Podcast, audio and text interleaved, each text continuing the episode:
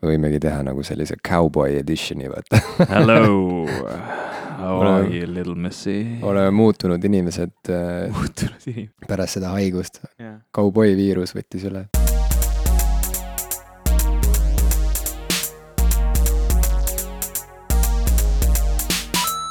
Tere, minu nimi on Ivo Krustok tere, minu nimi on Jim Ashilevi, ja saade, mida te kuulate, on popkulturistid kolm. Popkulturistid kolm. mul on sihuke tunne, et ta ongi nagu jälle mingisugune uus algus või ma peaksin jälle ütlema, me oleme tagasi, sellepärast et äh, hoolimata sellest, et me kuidagi äsja just tulime mingilt pausilt, siis nüüd tekkis jälle mingi auk vahele vist või? mm. -hmm. tervislikel põhjustel jah, kuna minul oli hääl täiesti ära äh, ja kaasa ei aidanud sellele ka see, et ma niigi ilma hääleta läksin ikkagi Vanemuisesse Otellot mängima, kus ma kolm tundi põhimõtteliselt röögin. Et siis, äh, siis ei olnud võimalik pärast seda enam teha podcast'i ega mingeid muid asju, nii et. see oli veel kuidagi nii, et kõigepealt jäin mina haigeks ja ütlesin, et ma võin teha küll, et noh, ma, ma nagu õue ei pidanud ju minema, eks ole, et podcast'i teha, aga mul oli nagu hästi kõva nohu ja ma oleksin sihuke väga nasaalne kõlanud, aga sa ei olnud, ütlesid, et, et noh, et ei hakka nagu võib-olla seda podcast'i lindistama, et sul on nädala lõpus see, see, see etendus ja ei tahaks nagu haigeks jääda ja lõpuks jäid ikka haigeks. mitte minu süül õnneks, et ma ei. no ma ei tea, ma ei ole päris kindel, võib-olla sa saatsid mulle mingisuguse äh, kirjaga näiteks saatsid selle emotikoniga saatsid ikkagi oma pisikud mulle kohale. saatsin tatistava emotikoni. jah, sülitasid Haapsalu suunas ja siis kuidagi tuulega lõpuks ma tegin akna lahti ja vaatasin, et udu. Butterfly efekt või liblika, liblika tiivalöögi efekt või? jah -hmm., no teoreetiliselt see on ju võimalik, et sa aevastad siin Tallinnas ja tuulega lõpuks ikkagi jõuab see viirus lõpuks minuni. No on ju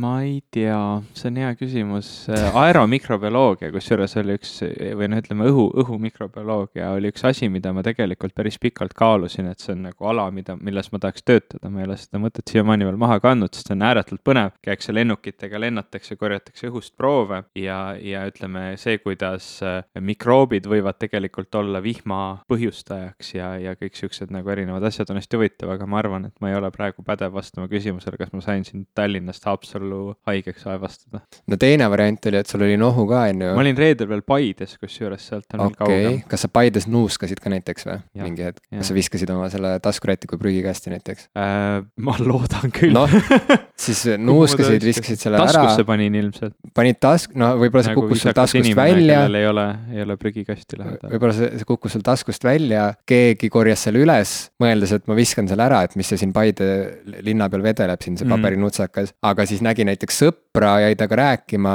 juba käsi pani selle taskuräti taskusse niimoodi hajameelselt. siis ta võib-olla tuli selle nutsakaga Haapsallu, mhm. on ju, ja siis kuidagi sealt tema taskust seal Haapsalus võib-olla sattus see nutsakas ikkagi minu lähedusse ja ja võib-olla siis tuulega ikkagi lendas mulle korraks vastu nägu näiteks või suhu, niimoodi, et see... ma ei märganud. ma ei tea, no et see, see on võimalik. Jim, see läheb see nagu halvaks improteatriks. okei okay et no. Äh, võib-olla räägime kõikidest nendest lahedatest asjadest, mis vahepeal on juhtunud, meil on tegelikult päris palju feedback'i varasematel osadel. et võib-olla kõige, kõige suurem neist on, et me üllatusime, äh, kui, äh, kui, kui võimekas on meie palve siin saates, et kuidagi niimoodi muu jutu käigus, kui Jan oli meil saates külalisena, mainisin ma, et jube tore oleks, kui keegi lubaks meil korra VR või virtuaalreaalsus mingit sihukest asja proovida ja, ja, ja siis sinuga võeti ühendust Play, äh, Sony poolt, eks ole, Sony Eesti poolt. Playstation ütles, Eesti võttis ühendust ja ütles, et aga palun. jah, et tulge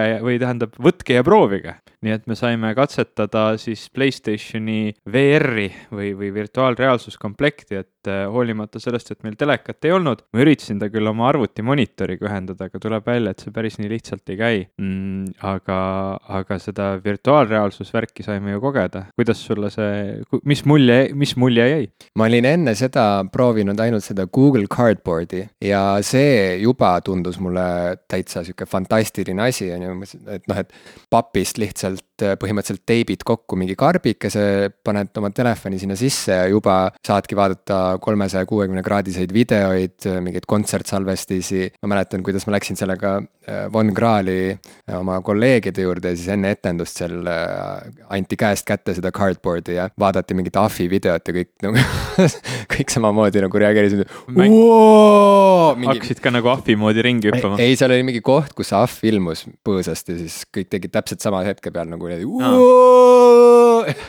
see oli nii haige, nägi nii debiilne välja nagu, et see nagu täpselt nagu kordus sama intervalliga. seda oleks pidanud filmimis kokku ma, monteerima. ma istusin seal garderoobis, vaatasin neid inimesi, kes järjest proovisid ja mõtlesin, ma peaksin seda filmima, sest see oli lihtsalt nii idiootne.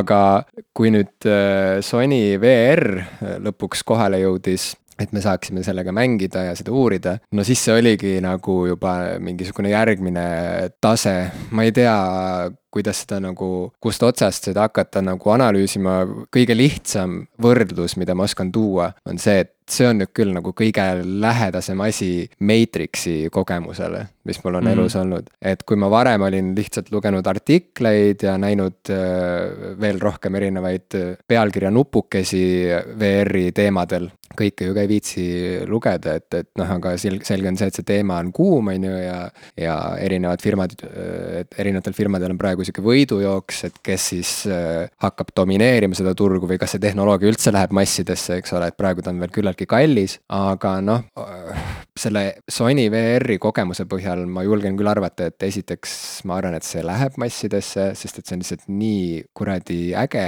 Ja, ja teiseks äh, ma arvan, et Sonyl on head võimalused selle võidujooksu võitmiseks, äh, noh puhtalt juba sellepärast, et neil on see äh, kliendibaas juba praegu olemas, vaata, neil on eh, ju kümneid miljoneid kui mitte sadu miljoneid inimesi, kellel on ju konsool olemas juba, nii et see esimene samm on nagu astutud. nüüd see lisasamm, eh, mida tuleks astuda, ongi, et, et ostad selle seadme, eks ole, selle VR-seadme, aga see on veel päris kirves. noh, olgem ausad, see on nagu, see ju maksab sama palju, kui konsool maksis ise, et, et isiklikult ma veel seda ei ostaks, mul ei oleks lihtsalt raha selle jaoks. sa võiksid konsooli ka veel juurde osta. just, aga Äh, noh, jällegi vaata, see on sihuke viie aasta küsimus võib-olla, kui inimesed nagu järjest ostavad ja kui tuleb äh, sinna sisu juurde, äh, läheb ka tehnoloogia ju ise odavamaks, eks ole ja siis juba ei ole mingit küsimust, et kas, kas võtta või jätta, et, et ta on ikka nagu noh, seal VR-is oligi pa, paar momenti oli nagu, seal oli mingisugune üldmenüü lihtsalt, kus sa valisid neid demomänge näiteks, on ju. ja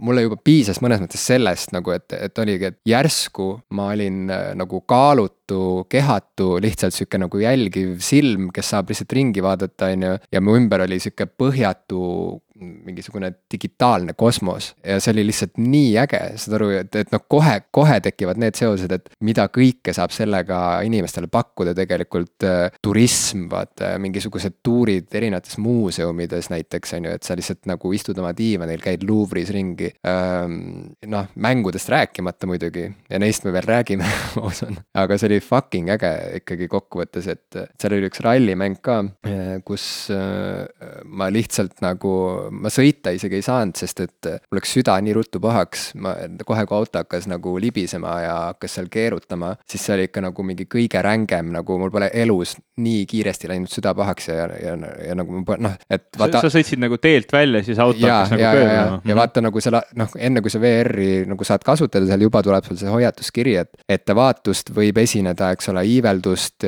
ebamugavustunnet, et kui see, kui see tekib, siis võta kohe see asi peast, on ju. ja noh, ma olen alati olnud nagu see mees, kes on nagu, et ja, ja noh, mis iganes, vaata, või no kui on mingi vid-, muusikavideo alguses on mm -hmm. näiteks, et oo, siin on strobo, on ju, et kui sul yeah. on nagu mingisugune tundlikkus selle suhtes, et siis ära vaata, on ju, siis ma nagu alati vaatan, mul ei ole mingit küsimust mm. -hmm. aga nüüd esimest korda ma pidin nagu alla vanduma või kuidagi nagu, pidin nagu, järsku sain aru, et ma olen äkki, ma ei tea siis, kas liiga vana selle tehnoloogia jaoks, et äkki siis mingid kolmeaastased, kes hakkavad nagu kohe kasutama, et neil ei teki seda liikumisiiveldust, on ju. Äh, mul tekkis Peace. Päris rängalt. kas sa kasutasid aga... koos prillidega või ilma või kuidas? ja nagu..., mul olid jah, ja mul olid veel omakorda veel oma prillid mm -hmm. olid seal ees ka nagu selle seadme sees. aga igal juhul ma ei pidanudki siis nagu ringi kimama, kui ma sain oma iiveldusest üle, lamasin natuke aega maas, on ju oma magamistoas olin lihtsalt põrandal pikali. elukaaslane nagu vaatas teisest toast, irvitas umbes noh, et vanamees nagu, et. mida sa seal, mida sa punnitad, on ju, et anna, anna ära see asi, on ju. ja siis pärast proovis ise ja tal oli täpselt sama asi ja siis ta ise samamoodi nagu lamas maas oli täiesti näost kaam ja ei saanud öösel magada. aga, kas, kas enne seda oli ka nagu positiivne? aga enne kogemus? seda oli väga positiivne kogemus mm. ja, ja, ja ma ütlen, et see ongi nagu mingi teatud mängude puhul vaata, kus see nagu liikumine on veidi nagu imelik, noh et eb, harjumus, ebaloomulik, järsem, et eks seda kõike need mänguarendajad ju praegu testivadki ja mm. neil ongi see feedback väga oluline, et noh, et kuidas see kõik inimesele ikkagi mõjub nagu füüsilisel tasandil lausa. aga noh, seal rallimängus ma lihtsalt nagu jäin seisma, ma olin kuskil Itaalias, päike paistis, ilus arhitektuur, linnud lendasid, puud õõtsusid mõnusas soojas tuules ja, ja see hetk, kui ma lihtsalt nagu kuidagi nõjatusin, on ju, oma aut-, seisvas autos nagu kõrvale, justkui üle oma auto ääre ja vaatasin selja taha ja sain aru, et, et kõik, kõik reageerib mu pilgule selles mõttes, et kui ma nõjatun kõrvale ja vaatan taha, ma näengi oma seljatoest mööda mm. -hmm ja nõjatun veel kaugemale ja ma näen veel rohkem mööda, ma näengi, mis auto taga mm -hmm. toimub ja ma olingi Matrixis, noh, et oligi täpselt see nagu Matrix filmis Neole nagu lükati, on ju, mingisugune uus programm äh, sisse ja järsku ta oli keset mingit New Yorki või noh, mhm. et. ja siis vahetati kood ära ja ta oli kuskil hoopis mujal, et see on nii, vaat see ingliskeelne sõna on immersive, on ju mhm et vot sellist no, nii immersive kogemust, kuidas seda nagu normaalselt eesti keeles öelda, nii nagu ma ei tea, kõikehõlmavalt kuidagi sisse imevat see kõlab natuke räigelt. kõikehõlmavalt aga... sisse imav on sama, vähemalt sama ilus väljend kui immersive et no sellist kogemust pole mul varem olnud, sinu kord, räägi oma emotsioonist. kusjuures sedasama, seda nii-öelda, mina väga kartsin seda pahaks minemise tunnet, sest äh, inimesed, kes on kontoritooli peal, teavad, eks ole, sa võid kontoritooliga vahel neid ringe teha, eks ole, niimoodi, et, et mängida. kui ma teen nagu ühe ringi kontoritooliga, siis mul hakkab paha mm. -hmm. mul ei ole kunagi nagu autosõit näiteks pahaks ajanud, aga kui ma käin äh, lõbustusparkides, asjad, mis pöörlevad, mul läheb kohe nagu süda pahaks ja, ja ma ei kannata ja ma, ma kartsin, et nagu enam-vähem kohe, kui ma selle, selle asja pähe panen, mul hakkab paha. Mr aga... Lawrence'il oli selline album nagu Sit and Spin, ma saan aru, et see siis ei olnud sulle. kusjuures see plaat ei olnud üldse nii halb, see oli täitsa hea plaat, aga, aga ma kujutan okay. ette, et kui ma istun täiesti random sissesõit, äh, vabandust. siis siiski, siiski, kui ma peaksin pöörlema nagu see plaat äh, mängijas, siis ilmselt mul oleks paha, kõigil oleks paha, see mingi kümme tuhat pööret minutis, sekund, anyway minutis ikka. aga ma, ma alustasin nagu küllaltki sellistest rahulikumatest asjadest, seal olid need nii-öelda VR worlds või siuksed nagu maailmad, mida sa said kogeda, et sa nagu ei peagi väga tõmblema või jooksma. sa said seal nagu merepõhja kuidagi mingisuguse puuriga langeda ja, ja seda ma, see oli nagu tõesti sihuke esimene hetk, et nagu vaatad nagu suu ammu ei lenda ümberringi, eks ole, sa näed välja nagu mingi tola, mul on üks hea Instagrami video ka sellest, kuidas ma vehin selle puldiga ringi ja suu on kogu aeg lahti. Eh, noh, pea, üks asi oli see, et mul nina oli natuke kinni, mul oli hingata aga teine asi, ma, ma tõesti olingi nagu terve selle aja nagu mingi tola loobin siin seda pulti mööda tuba ringi ja, ja katsetasin ja, ja see, see maailma nagu taju või kui, kui, kui sees sa selles oled ja kui, kuidas see kõik nagu reageerib sulle, on nii võimas tunne. et sellega mul alguses nagu paha ei hakanud ja ma andsin kohe oma abikaasale ka, Evale ka andsin, et noh, proovi, et esialgu oli ka võib-olla natuke skeptilisem kogu selle asja vajalikkuse ja sisu suhtes, aga samamoodi, et noh, nii kui see nagu asi pähe läheb ja tööle hakkab, on need esimesed hetked, oh, oh, oh, oh, et noh, vau, mis mu ümber tegelikult toimub või, või yeah. kui võimas see tegelikult on, sest see ongi nagu natuke selline asi, et me pole tegelikult kogenud kogenud ju neid noh, selliseid asju. enamus inimesi pole virtuaalmaailma kogenud, sul on võib-olla mingi väike kokkupuude arvutimängudega või, või noh, ütleme sinu jaoks arvutimängude evolutsioon on samamoodi sihuke mingi random kõrvalseisev protsess, et sa näed vahepeal on mingid kriipsujukud alguses taovad üksteist kaheksa bitise graafikaga ja siis hiljem on juba 3D värk, aga, aga seda, et milline see VR või see virtuaalreaalsus tänapäeval on, pole enamus üldse kogenud. ja see ongi täpselt sihuke, et nagu vau, et sihuke asi on võimalik hetk. ja minul see automäng mäng ei ajanud pahaks, sest ma sõitsin seal niimoodi nagu korralikult, ma kartsin hullult, et kui ma nagu välja lendan, et ma püüdsin nagu hästi tasa, tasa sõita ja niimoodi rahulikult, aga kui ma tegin seda mäest alla sõit kelguga mm., see ajas mul kohe, ma panin selle mängu, vaata, siin on see, mulle meeldis, siin on külje peal nupp, mis üks, ükskõik mis hetkel sa seda nuppu vajutad, ta lülitab süsteemi välja mm. -hmm et see oli nagu sihuke safety värk mm. -hmm. ja, ja ma seda, see oligi, hakkasid mäest alla sõitma, vajutasin nuppu, ei saa mm. -hmm. et kohe hakkas nagu halb ja ma tundsin ka, et üle mingi paarikümne minuti ma ei saanud üldse nagu olla, et mul, mul juba hakkas paha, ma pidin nagu noh, korraks nagu silmad jälle nagu selle uue reaalsusega harjuma ja prillidega oli ka nagu raskem. et mul see nägemine nii nii hull ei olnud, et ma, ma sain nagu ilma prillideta hakkama, pilt oli natuke udusem. aga sellegipoolest nagu väga, väga tänuväärt kogemus, peab ütlema. ja see viie aasta skeem, ma olen täiesti kindel, et viie aasta pärast see on nagu üsna tugev uus meelelahutusvorm. Ta noh, praegu juba on nagu tulemas sihuke novelty, aga praegu on need suured juhtmed ja need rasked kiivrid ja asjad, mida sa pead kandma, nad on ikkagi miinus ja, ja enamus inimeste jaoks nagu liiga palju, noh, liiga palju raha, liiga palju ebamugavust, teda tuleb kuskil hoida, on küllaltki suur asi, kaablid, see setup ise, noh, neid juhtmete ühendamine siia-sinna, ta on keerukas. ja see oli ka mulle kuidagi nagu halb üllatus, et okei okay,, et see on veits nagu sihuke algeline nagu veel, aga noh, arusaadav samas on ju, et kõik ei saa olla kohe valmis ja, ja siit saabki ainult edasi minna, et noh, ei ole ju üldse välistatud, et üsna kiirelt juba jõutakse mingi juhtmevaba lahenduseni, mis ei kaalu enam nii palju äh,, mida on prillidega mugavam kasutada, on ju, me sinuga oleme mõlemad prillikandjad, et paratamatult oli vaja jätta oma prillid veel nagu ette mm. -hmm ja ka kinos ju tegelikult, kui minna 3D filmi vaatama, siis no, on nagu jube vastik panna need 3D prillid veel omakorda oma päris prillid ette. et seal VR-is oli mõnevõrra mugavam, sest et ta on ikkagi nagu sihuke sukeldumismask põhimõtteliselt, et, et seal on nagu ruumi prillidele. aga noh, on arenemisruumi samamoodi nagu resolutsiooni puhul, eks ole, et kui see resolutsioon ikkagi nagu lõpuks jõuab sellise teravuseni, kus tõesti see asi on nagu reaalsusest eristamatu. nagu Apple nimetab retina.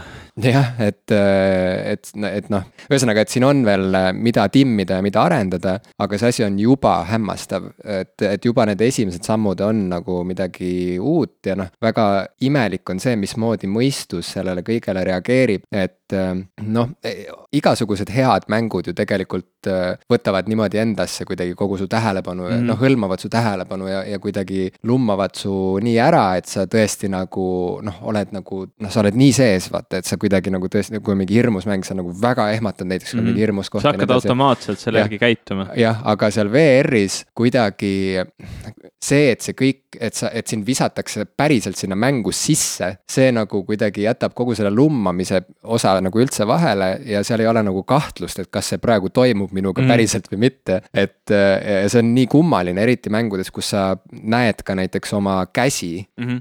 ja need liiguvad nagu ongi virtuaalselt animeeritud mm -hmm käed -hmm. nagu, et sa vaatad allapoole ja need on sinu käed, noh, nad muidugi liiguvad vastavalt sellele, kuidas sa pulti hoiad ja nii edasi. aga siiski juba see on päris imelik sihuke nagu. su aju harjub suht ruttu ära, et nüüd, nüüd, nüüd liiguvad käed nii. et just. see ei ole nagu see, et ma pean, nad peavad liikuma täpselt nagu minu käsi, vaid su aju harjubki ära, ahah, käed liiguvad nüüd nii ja, ja see ongi uus normaalsus. just, ja kui ma proovisin seal seda äh, robotite möllumängu Rigs vist, kui ma ei eksi mm, -hmm. oli see pealkiri, siis seal alguses on ju, äh, tuleb sind tervitama seal mingisugune chief ja noh, räägib sulle, et noh, et siin me, me siis testime neid uusi roboteid, on ju, ja siis seal nagu ongi, et sulle antakse sihuke hiiglasuur robot, keda sa saad ise juhtida, et saad istuda ta sisse ja nii. aga enne seda äh, see chief nagu räägib sulle, on ju, noh, jagab sulle juhiseid ja noh, ongi, et inimene seisab mu vastas, seletab mulle asju, küsib, kas said aru ja ma lihtsalt noogutan. saad aru, mhm, päriselt mm -hmm. Tunnen, et ma pean noogutama, sest muidu see on nagu kummaline suhtlus, et yeah, yeah. kuidas ma seisan nagu lihtsalt mingisugune kuradi dokk nagu tal vastas, on ju. et saad aru, et isegi sihuke nagu äh, harilik nagu argipäeva viisakus tuli kaasa nagu sinna yeah. mängumaailma ja, ja samamoodi oli kummaline nagu mängida ühte, pealkiri ei tule enam meelde, aga oli üks kosmosemäng, kus sai minna nagu võõrale planeedile mm. -hmm. Äh, sul oli seal üks tehiskaaslane, sihuke muna, kes nagu hõljus ja jällegi nagu jagas sulle juhiseid ja käisid ringi seal nagu džunglis ja mingid siuksed dinosauruse-laadsed äh, linnud lendasid, on ju. ja kohe, suht kohe oli seal võimalik minna sellise kalju ääre peale ja vaadata alla ja saad aru, mul oli hirmus minna sinna no, ja järgmine mõte oli see, et kas ma julgen siit alla hüpata sest et ma ju tegelikult tean, et see ei ole päriselt yeah,. Yeah. aga korraks ikkagi, saad aru, sa pead ennast nagu ületama yeah,, sest et äh, sa pead nagu topelt põhjenduse andma endale mm. kuidagi, et, et ja, ja see on päriselt ainult mängult see, on, see on nagu klaas põrandale astumine, et sa tead, et sa kukkusid ja. läbi, aga ikkagi on kuidagi väga raske just, just, just, just.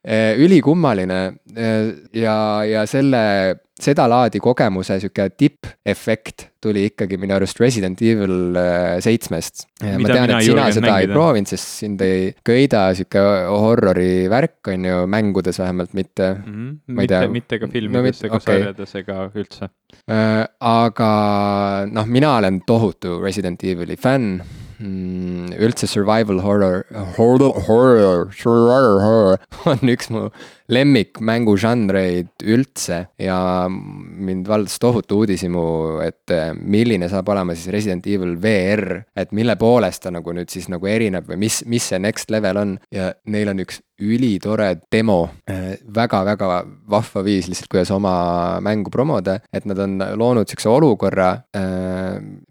demo nimi on Kitchen Demo, juba kõlab hästi kõhedalt, kui sa tead, et see on seotud mingisuguse retsi asjaga, et mm -hmm. mingi, mingi kitchen demo nagu sa juba ei taha nagu aga see oli nii jõhker, et sa nagu paned äh, endale jällegi selle VR-i komplekti pähe, on ju, paned kitchen demo käima ja mis juhtub, on see, et äh, sa leiadki end ühest räpasest hämarast köögist. Su sa istud ühel toolil ja oled kinni seotud sinna ja jällegi vaatad ringi ja sa näed oma keha, saad aru, reaalselt näed, vaatad alla, näed oma põlvi, oma kintsusid, on ju. ja näed, et sa ei saa liigutada ja, ja su ees maas lebab üks äh, teadvuseta mees. ja, ja vaatad ringi ja kõik on juba megakõhe, on ju, ja siis hakkavad juhtuma erinevad asjad ja see demo on väga lühike, väga kompaktne ja väga kokkuvõtlik ja põhimõtteliselt noh, näitab sulle kohe ära, et mis see next level on, et mida tähendab survival horror VR-is mm. -hmm. et noh, see ongi põhimõtteliselt nagu sedalaadi sihuke lõbustuspargi äh, mm, atraktsioon, et, et kui on nagu need õudusmajad, vaata, kuhu sa sõidad selle väikse rongikesega sisse, on ju. et siis nüüd sa saadki reaalselt nagu jääda sinna ja mm. olla nagu üleni seal ja, ja, ja kuidagi panna ennast nagu nii äärmuslikesse olukordadesse, et sa oledki nagu mingis pantvangi videos näiteks kinni, ise see pantvang, et see on nagu no,. hirmuäratav. see on, see on väga hirmuäratav ja samal ajal väga naljakas, sest et äh, sa tead, et see ei ole päris, saad mm. aru, aga ma ei tea, sa saad seal nagu noaga näkku ja sul on korraks on ikkagi sihuke tunne, et, et issand jumal oh my god, ma sain et no, no selles, et seal on nagu kuidagi nagu, e, et see, see, see on nii kummaline, kuidas sa nagu järjest pead nagu kogu aeg nagu, et sul nagu aju lülitub kogu aeg tagasi sinna, et oot-oot-oot, see on ju päriselt, see on ju päriselt. ja siis ütled endale, et ei ole, ei ole, ei ole, see on mäng ja siis jälle juhtub. ma tean, et me näeme seda, aga see nagu, pole päris. et, et sa peadki nagu kogu aeg meenutama endale, et see on ainult mäng, nii et ühesõnaga ma arvan, et see VR-i asi nagu mitte ainult mängumaailmas, vaid nagu, nagu alguses sai öeldud, et igatpidi nagu mingitel, ma ei tea, mingitel tooteesitlustel. Äh, noh, ongi mingi turismi Äh, atraktsioonina, nagu ta võib olla nii võimalusterohke asi. reklaam igal juhul mm, -hmm. et, äh, et noh, mulle meenus üks Chuck Polanicki raamat, mis on tema loomingus sihuke nagu veidi erandlik teos, et ta on sihuke nagu kergelt ulmeline, ulmeliste sugemetega ja seal tegevus toimub tulevikus, kus inimestel on nagu sarnaselt Matrixile on neil kuklas siuksed nagu noh, siuksed nagu pistikupesad, on ju kuhu saab siis sisestada nagu mingisuguseid äh, asju.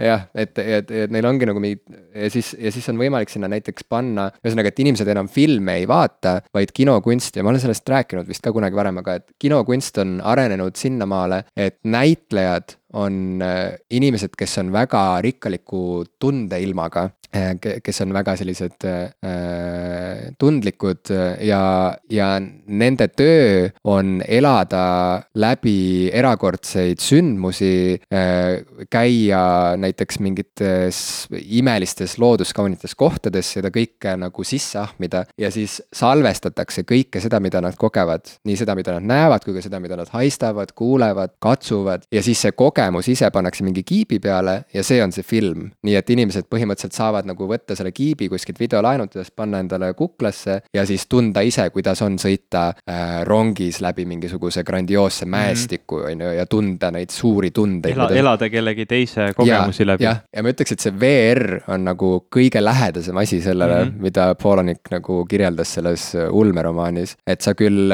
VR-i puhul muidugi ainult näed ja kuuled, aga noh, kui me juba siin oleme, küll me jõuame juba nagu nende teiste efektideni ka, kus sa juba, ma ei tea, tunned midagi midagi ja võib-olla haistad ja. no võib-olla pole vaja muidugi, ei ole vaja ka liiga reaalseks minna, aga noh, ühesõnaga see... potentsiaal on tohutu minu arust sellel tehnoloogial. sellest edasiarengust ja sellest, et kuidas teda mugavamaks muuta rääkides, ma pärast seda, kui ma olin nüüd seda VR-i proovinud, läksin ma Tallinna Kaubamaja meeste rõivast osakonda, kõlab nagu väga huvitav koht, kuhu selle jutuga minna, aga seal toimus Microsofti HoloLensi demo ja tegelikult, kui ta veel see kuu, mis kuu meil on, märts vist, eks ole, märtsi jooksul on seal iga reede ja laupäev, neid, neid aegu tuleb internetis täpselt vaadata, aga on selline demo booth seal, kus näidatakse Microsoft HoloLensi. Ja see on nüüd selline peakomplekt, mis võimaldab liitreaalsust, ehk siis sa näed kõike, mis ümber toimub, aga sinna on lisaks sellele, mis su ümber päriselt on, juurde pandud selliseid digitaalseid esemeid ja, ja asju. ja see oli ka väga huvitav kogemus, sest nüüd see peakomplekt oli tõesti selline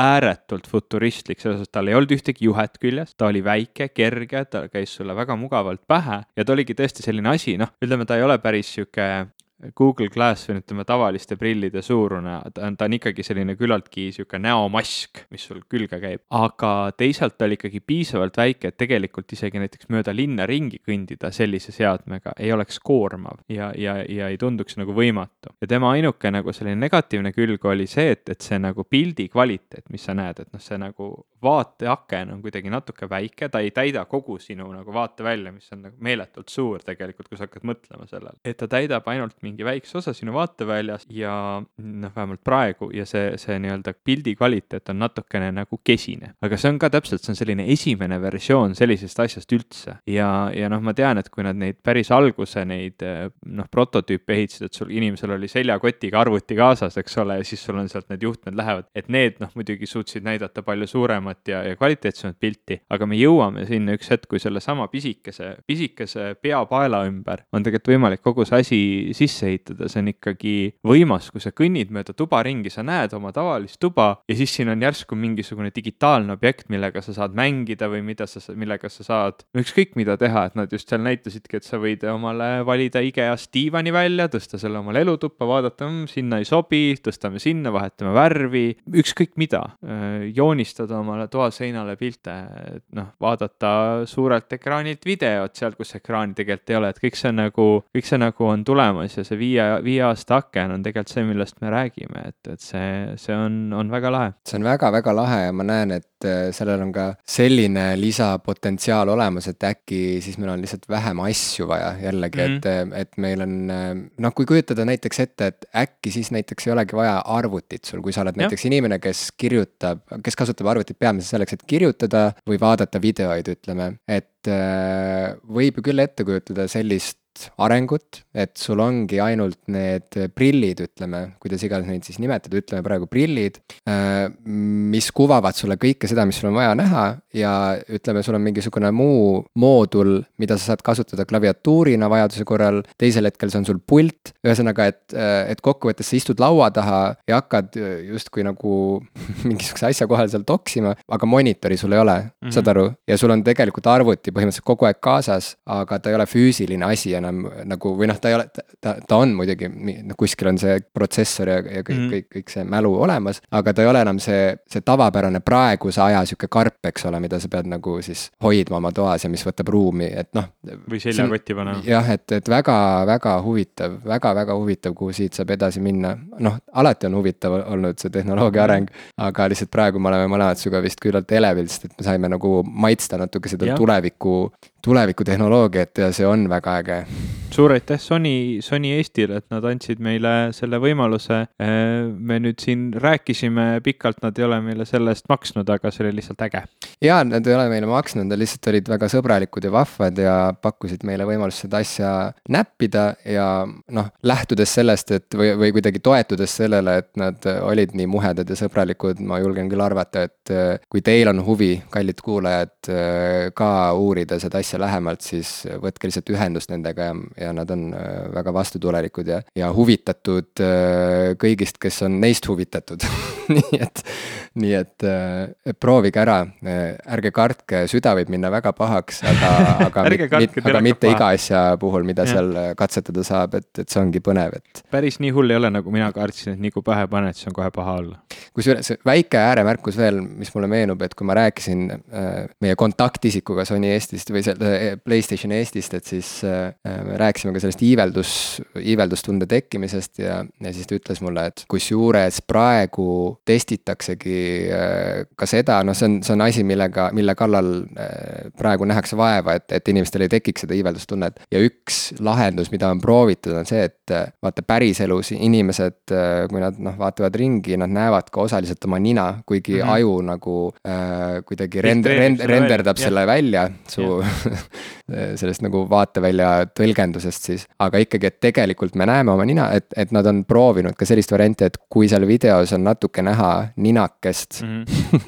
et siis äh, nad testisid seda ja tulemus oli see, et vähematel inimestel hakkas paha. nojah, täitsa võimalik sest.... et väga-väga huvitav, mis asjad mõjutavad tegelikult ja. seda, mismoodi me nagu, mismoodi meil tekib mingisugune sensoorne häire näiteks mm. -hmm. et selle peale isegi ei tuleks ju nagu esialgu, et okei okay,, kõik on ju reaalne, kõik on äge. inimesel läheb süda pahaks sellepärast, et ta ei näe oma nina, mida ta tegelikult niikuinii nagu ei teadvusta, et ta näeb et väga-väga kummaline. see on tõesti lahe me oleme sinuga suured melomaanid mõlemad. võib nii öelda. me võime Võib julgelt niimoodi öelda. mul kuigi... oli kunagi isegi blogi pealkiri oli Melomaanist Indikoini, mis tuli ühest Ultima tuulelaulust. Vau.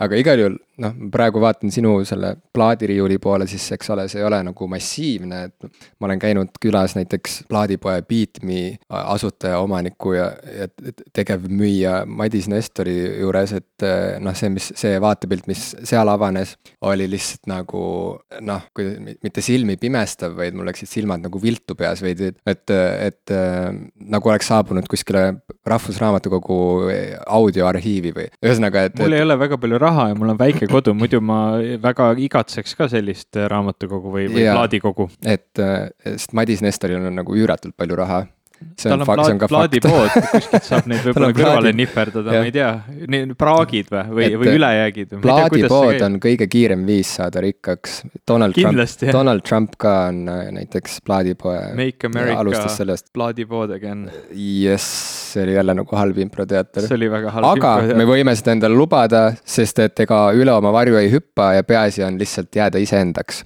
väike sihuke pro tip, noh eluks, aga sellele vaatamata, et meil, meil, eks ole, riiulid, kõik riiulid ei ole albumeid täis, meil on ikkagi erinevad voogedastusteenused telefonides ja arvutites olemas, nii et meil kõigil tegelikult on kogu maailma muusikavalik ühe puudutuse, ühe kliki kaugusel. ja see on alati tekitanud minus mingisuguseid siukseid vastakaid tundmusi, et ma ühest küljest mõtlen, et see on kõik väga äge, et ma ei pea nagu muretsema oma failide pärast, et kui kõvaketas kärssab läbi, et siis ma jään ilma oma mingitest MP3-dest, mida ma olen suure vaevaga varastanud kuskilt, et nüüd ma lihtsalt.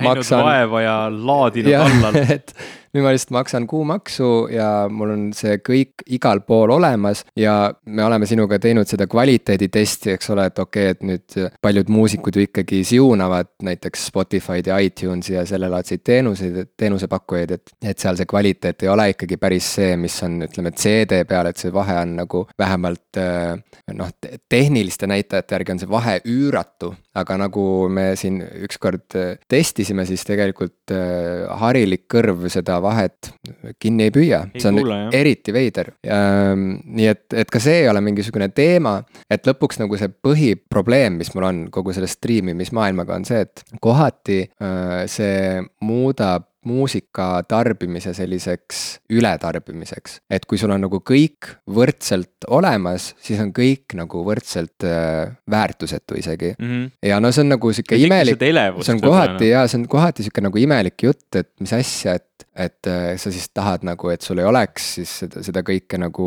nii lihtne kätte saada.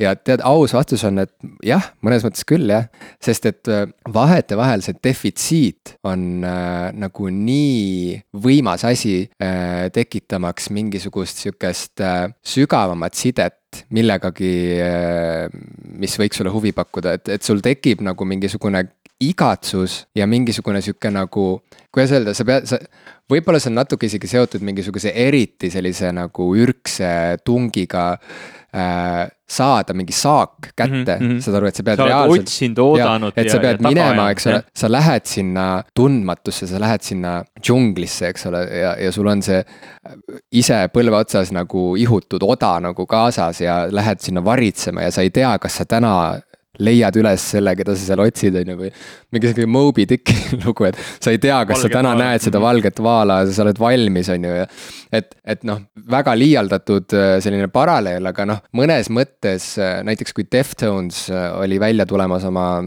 siiani viimase albumiga Gore, siis äh, tagantjärele mõeldes mulle väga meeldis, et nad niimoodi äh, järk-järgult andsid nagu, andsid nagu mingisuguseid vihjeid selle albumi kohta sotsiaalmeedias, kuidas nad nagu andsid äh,, tuli see plaadi kaanepilt järsku nende flamingodega, eks ole, et selline saab olema siis see albumi kaas, selline on meie albumi pealkiri.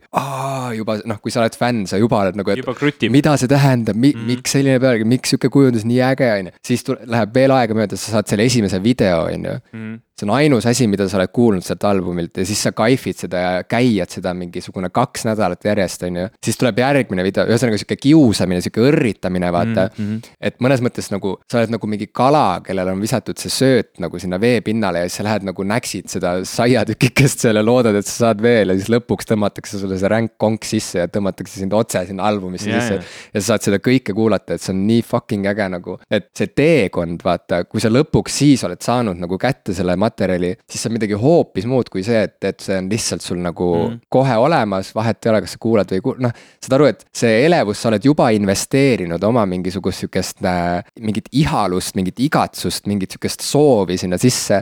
ja siis sa saad seda ka tagasi kuidagi intensiivsemalt, et sul noh, tekib mingisugune selline seos.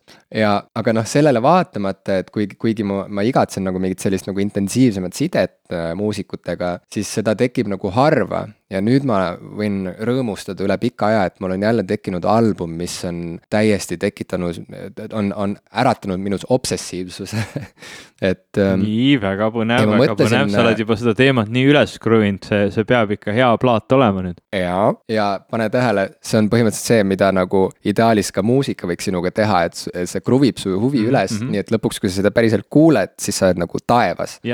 Ole valmis nüüd taevasse sattuma, ma hakkan ma rääkima.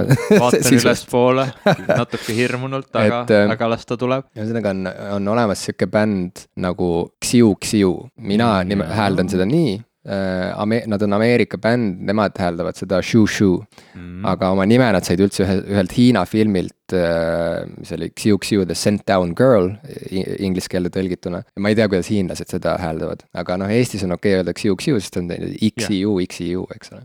ja see on bänd, mida ma olen nüüd ka vist ikkagi juba üle kümne aasta jälginud ja fännanud ja see on minu kõige lemmikum bänd, mida ma ei suuda kuulata. kuidas tundub mm.? et ühesõnaga, see on, äh, see on nii, see on äh, sihuke muusika või seda bändi sa väga naudid, aga nende muusikat sa ei suuda kuulata või yeah., et ühesõnaga yeah. bänd on äge, aga nende loodav muusika ei ole päris lood sinu ka ägedad ja muusika ah. on ka äge, aga seda ei kannata kuulata eriti eriti ja see ongi nagu nii, vot see on, see on ainus bänd, kellega mul on selline side. kas see on nagu natuke see nagu see, et, et ma täna panin Björki mängima ja, ja siis mõtlesin, et, et mulle väga-väga meeldib see, mida Björk teeb ja see on väga äge, aga ma ei, ma ei, ma ei suuda seda praegu kuulata või see on nagu sihuke sinul nagu pidev, et, et. võib-olla nagu..., kuigi ma ütlen, vaata Björgiga ma võin aru saada, mida sa sellega mõtled mm, -hmm. mul on võib-olla midagi sarnast, mingid sarnased tunded Björgi suhtes, et ta on kindlasti mu noh, elu edetabelites väga väga-väga kõrgel kohal, aga jah, ma ei saa nagu enam noh, ma, ma olen nagu edasi liikunud sellest või nii. aga Xiuxiu puhul ähm,, nemad on selline bänd, kelle puhul võib küll öelda, et nad ei mahu ühegi žanri määratluse alla ja nad on nii segased oma helikeeles, et äh, see alguses, kui ma, kui ma tutvusin Xiuxiu muusikuga, siis ma ei saanud isegi aru, et kas see on nali või, või see on nüüd päriselt mis on nagu eriti, noh, mulle huumor muusikas ei meeldi eriti, aga oh,. Weird Al Yankovic on kurb. jaa, ei, aga, aga noh, et Xiu-Xiu puhul nagu see, see bänd on nii üle võlli melanhoolne, traagiline, massohhistlik, ennast põlgava sisu sisuga äh, ja selline nagu äh,, nagu täiesti nagu hullumeelse helikeelega. et nagu kohati noh, mul oligi alguses nagu raske aru saada, et mis asi see nagu üldse on mm. -hmm. aga samas jällegi see, et ta on nii raskesti ligipääsetav, muudab ta ka nagu nii, nii huvitavaks. Äh, noh, Q-Q on üks väheseid bände, kelle puhul nagu ma isegi, ma, ma nagu kohati ei saa aru, ma ei saa aru nende nagu lugudest, nad on nii segased. ja, ja nagu aastaid hiljem ma näiteks võib, võib-olla nagu hammustan lahti mingisuguse loo, et ma saan nagu, hakkan aru saama, et mis kihid seal on nagu kõla poolest, et mis, mis rütmid seal on, mis seal nagu tegelikult äh, toimub, et mis, mis nagu muster sellel helil on.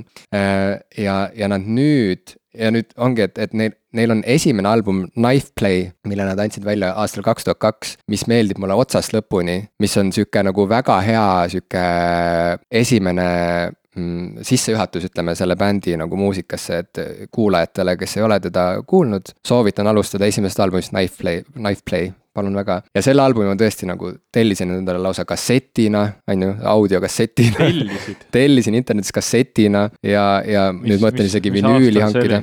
no mingi kaks aastat tagasi, nad andsid välja mingi eriväljaande. ma mõtlesin, kus sa seda kasseti mängid. ja no vot, kassetiplayeris, sellepärast ma isegi pidin hankima kassetiplayeri Tel. tellisid juurde ka Sony Walkmani no põhimõtteliselt jah, aga aga sealt edasi, nad on nagu sihuke, ühesõnaga nad on noh, nagu puhtakujulised kunstnikud, on ju.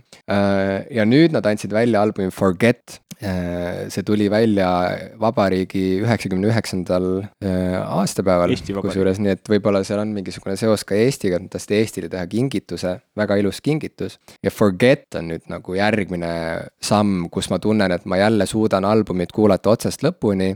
et seal ei, et see asi ei lähe nagu nii käest ära mu jaoks, et ma kuidagi täiesti nagu segan segadusse satuks või täiesti nagu hakkaks tundma mingeid emotsioone, mida ma lihtsalt ei taha nagu oma kõrvadest enda südamesse.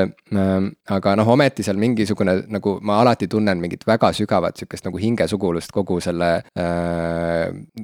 kõige sellega, mida Xiuxiu teeb ja Forget'i puhul lihtsalt nagu äh, on jälle nagu tekkinud album, mida ma suudan äh,, mida ma lihtsalt käian, saad aru, päevast päeva. niimoodi, et ma nagu lausa nagu ma tunnen, et ma lihtsalt nagu, et see on nagu osa minu päeva mingisugusest, see, see aitab mul nagu toimida, et see on nagu, et ma oleks nagu mingisugune vana arvuti, kus opsüsteem oli disketi peal, et sa pidid selle disketi sisse panema ja siis alles said hakata tööd tegema, et, et samamoodi see on mu igapäeva osa, ma ei tea, kaua see kestab. aga see on album, mida ma suudan nüüd kuulata ribadeks ja, ja ma väga soovitan äh, proovida ka seda, nii et nagu. mis kontekstis sa seda kuulad, kas ta sul ongi nagu sihuke pidev taust või sa tõesti nagu võtad iga päev aega, et seda plaati kuulata? Äh, nii üht kui teist Äh, ja, ja tegelikult küsimus on pigem selles, et äh, mis muidu mu elus toimub, et ütleme nii, et mul on nagu, mul on nagu kaks sümptomit, mille järgi saab aru, et, et ma nüüd nagu olen kuidagi äh, mingis raskes kohas omadega. hakkad shoot-shoot kuulama. et üks asi on see, et ma joonistan siis Mm -hmm. et kui ma, sest ma muidu olen sihuke nagu, et ma olen inimene, kes nagu sõnade abil mõtleb asju selgeks ja sellepärast ma ka kirjutan. aga kui ma enam sõnu ei oska ka kasutada, siis ma hakkan joonistama ja see on tavaliselt nagu väga halb märk, et kui mina, kui, kui Jim joonistab, siis kui sa mulle, kui sa mulle kunagi joonistuse kingid, siis ma tean, et asjad on halvasti. ei no ma niimoodi päris ei tee, et ma nüüd joonistan kellelegi teisele mingeid nagu õuduspilte, aga. aga põhimõtteliselt see joonistamine on nagu sihuke enesereflektsiooni vahend mu jaoks, et kus kui mul ei ole enam võimalik sõnades analüüsida midagi, mis mu sees toimub, siis ma nagu joonistan selle pildi valmis ja see pilt, selle pildi järgi ma nagu hakkan aru saama paremini, et mis toimub. ja teine asi on xiu-xiu, et kui on nagu mingisugune, et kui mu nagu sees on alanud mingisugune kaose ajastu, siis xiu-xiu kõlab nii, nagu äh, mu mingi närvikava parasjagu on. et ta on sihuke kriisimuusika, aga see teebki ta selliseks ku-, kuulatamatuks ka samas nagu suurem osa ajast, et ta on nagu, ta on pöörane, täiesti segane, täiesti segi. aga tead, see nüüd on kuidagi nagu took a turn for the worse, et kui sa nagu alustad seda juttu siukse meeletu eufooria õnnega, et jess, ma olen lõpuks leidnud plaadi, mis mind jälle nagu elevate ib ja, ja, ja ma tahan seda kuulata, see on nii äge ja teeb mind nii rõõmsaks ja siis sa jõuad nagu selle jutuga sinna välja, et sa oled nii halvas kohas oma elus, et lõpuks ei. jälle sa saad seda bändi kuulata. aga et see ei ole nagu see on nagu nii ja naa asi ka sest, et äh, see, see vaata, see album on mulle nagu kaaslaseks, vaata, et et tegelikult see ongi jällegi sihuke hea näide sellest, et,